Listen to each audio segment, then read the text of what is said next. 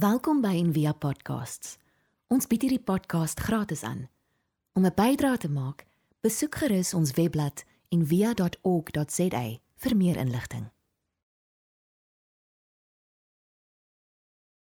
Jy het hierdie woorde al gehoor. Hy wat gelei het onder Pontius Pilatus, gekruisig is, gesterf het en begrawe is en ter helle neergedaal het, wat op die 3de dag weer opgestaan het uit die dode. Ek onthou as 'n klein seentjie hoe baie ek dit in die kerk gehoor het.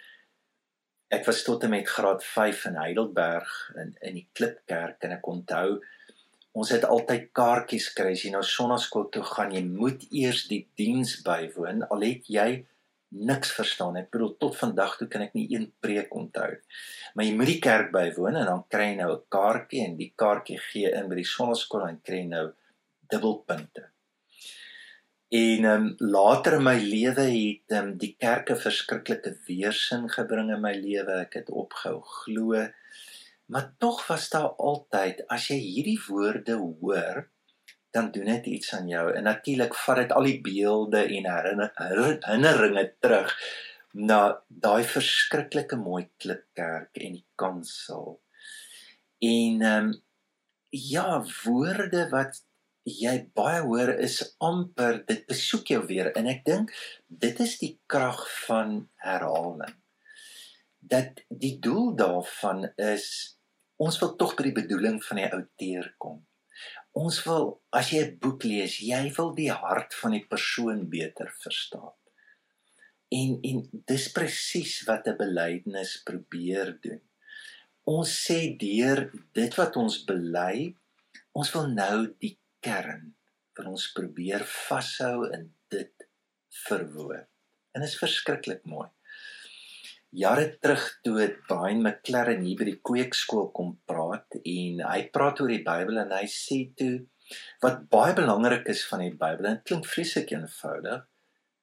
As jy die Bybel wil, verstaan, begin met een sin. As jy nie die een sin reg het nie, moet asseblief nie die Bybel lees nie. En die een sin is dis God se liefde in Christus. Hoe verstaan ons? Hoe voel ons?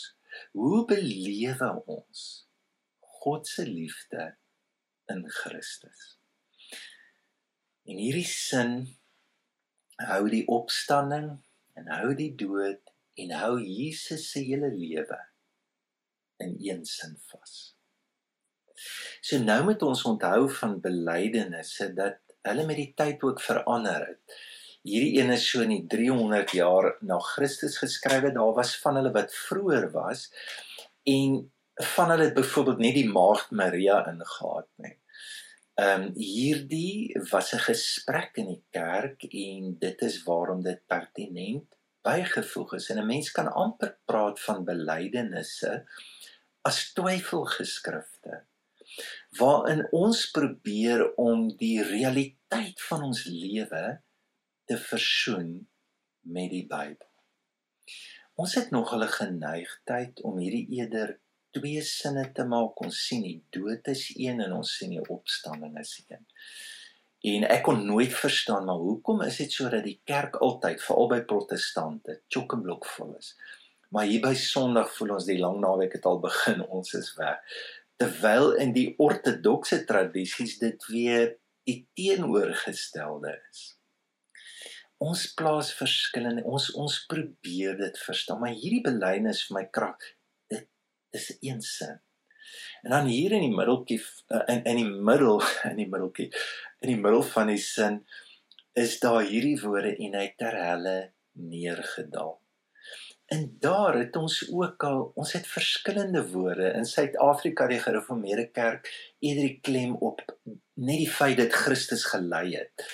Die NG Kerk eh, wil jy moet weet dit was 3 dae in die hel. Een kerk sal oor die doderyk praat. Hoe jy ook al watter gevoelswaarde ons ook al wil sit op dit wat Jesus gedoen het is die beste om dit te verstaan binne sy hele lewe dat ehm um, dat Goeie Vrydag het alles te doen met sy hele lewe en net so ook die opstanding.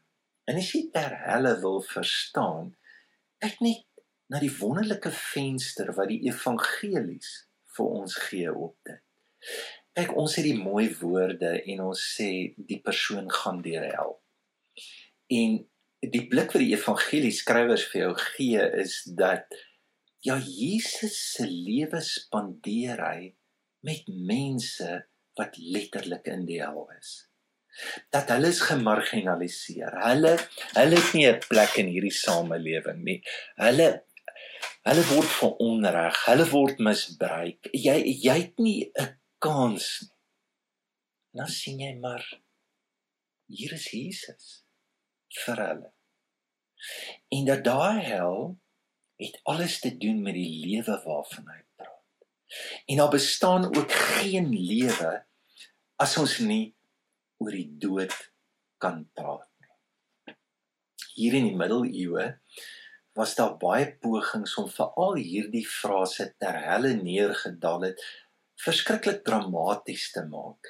En dit was amper dit was die ding wat vir jou in die hemel bring.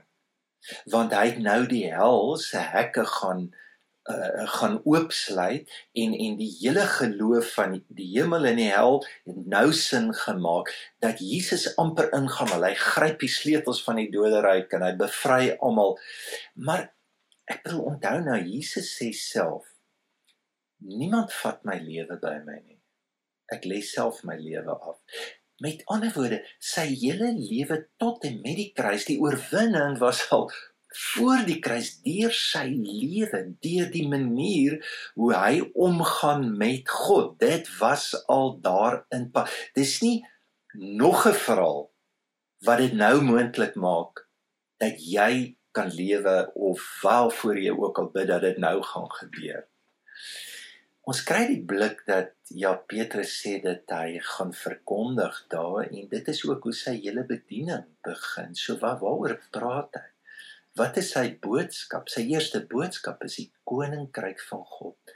En dan wil hy jou laat verstaan dat dit binne in jou is. Nou, daar is 'n verskriklike mooi um kunswerk in die St Paul's Cathedral in Londen wat William Holman aan. Hy was 'n ou Engelse kunstenaar en hy's dink daan 1920 18 dae sy al oorlede. Maar het hy die opstanding gedoen en dan teken hy Jesus buite deur. Nou julle onthou nou die verhaal was mos hulle is bang. Hulle kruip weg dat hulle dit nie hoop nie. 'n Mens kan sê hulle sluit hulle self toe binne hulle vrees, hulle verwonding, hulle is terneergedruk. Ons kan letterlik sê hulle kruip weg in hulle eie hel. En dan is daar nie 'n handvatsel buitekant dis hoe hy dit teken. En en, en is gewoonlik so dat dis wat pyn ook doen. Dat dit sny ons van mense af dat ander nie in ons lewe kan inkom nie.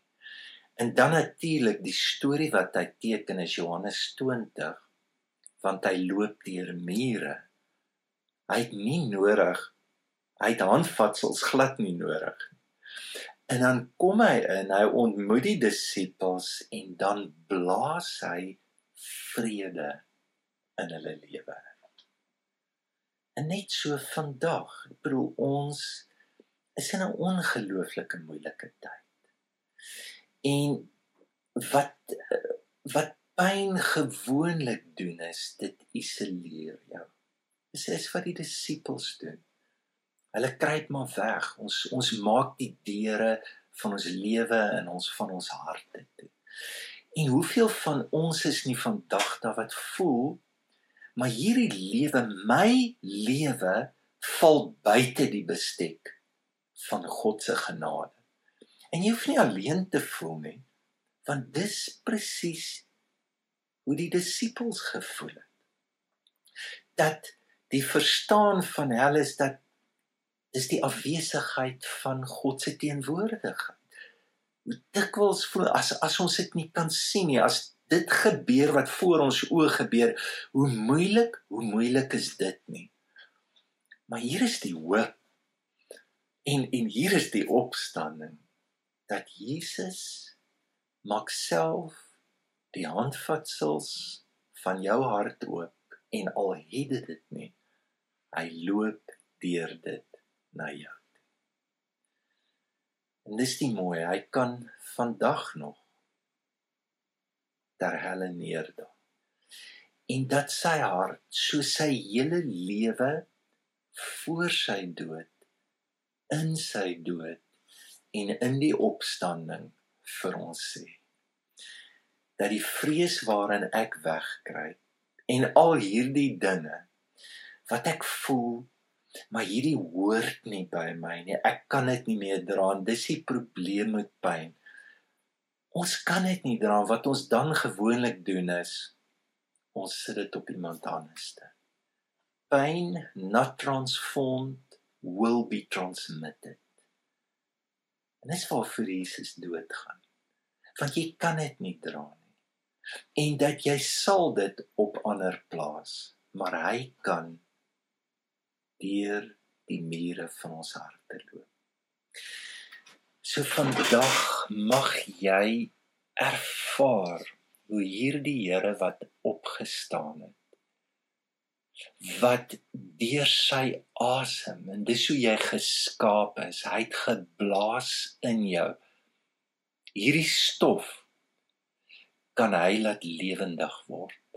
En dit is wat Paulus so mooi in Romeine sê. En as die gees van hom wat Jesus uit die dode opgewek het in julle woon, dan sal hy jou sterflike liggaam lewend maak. Mag jy vandag ervaar hoe hierdie stof opstaan. Ja, en hoe die mure van my geïsoleerdheid en my wegtrek val voor 'n Christus wat opgestaan het. Ons hoop van harte jy het hierdie podcast geniet of raadsaam gevind. Besoek gerus en via.ok.za vir meer inligting.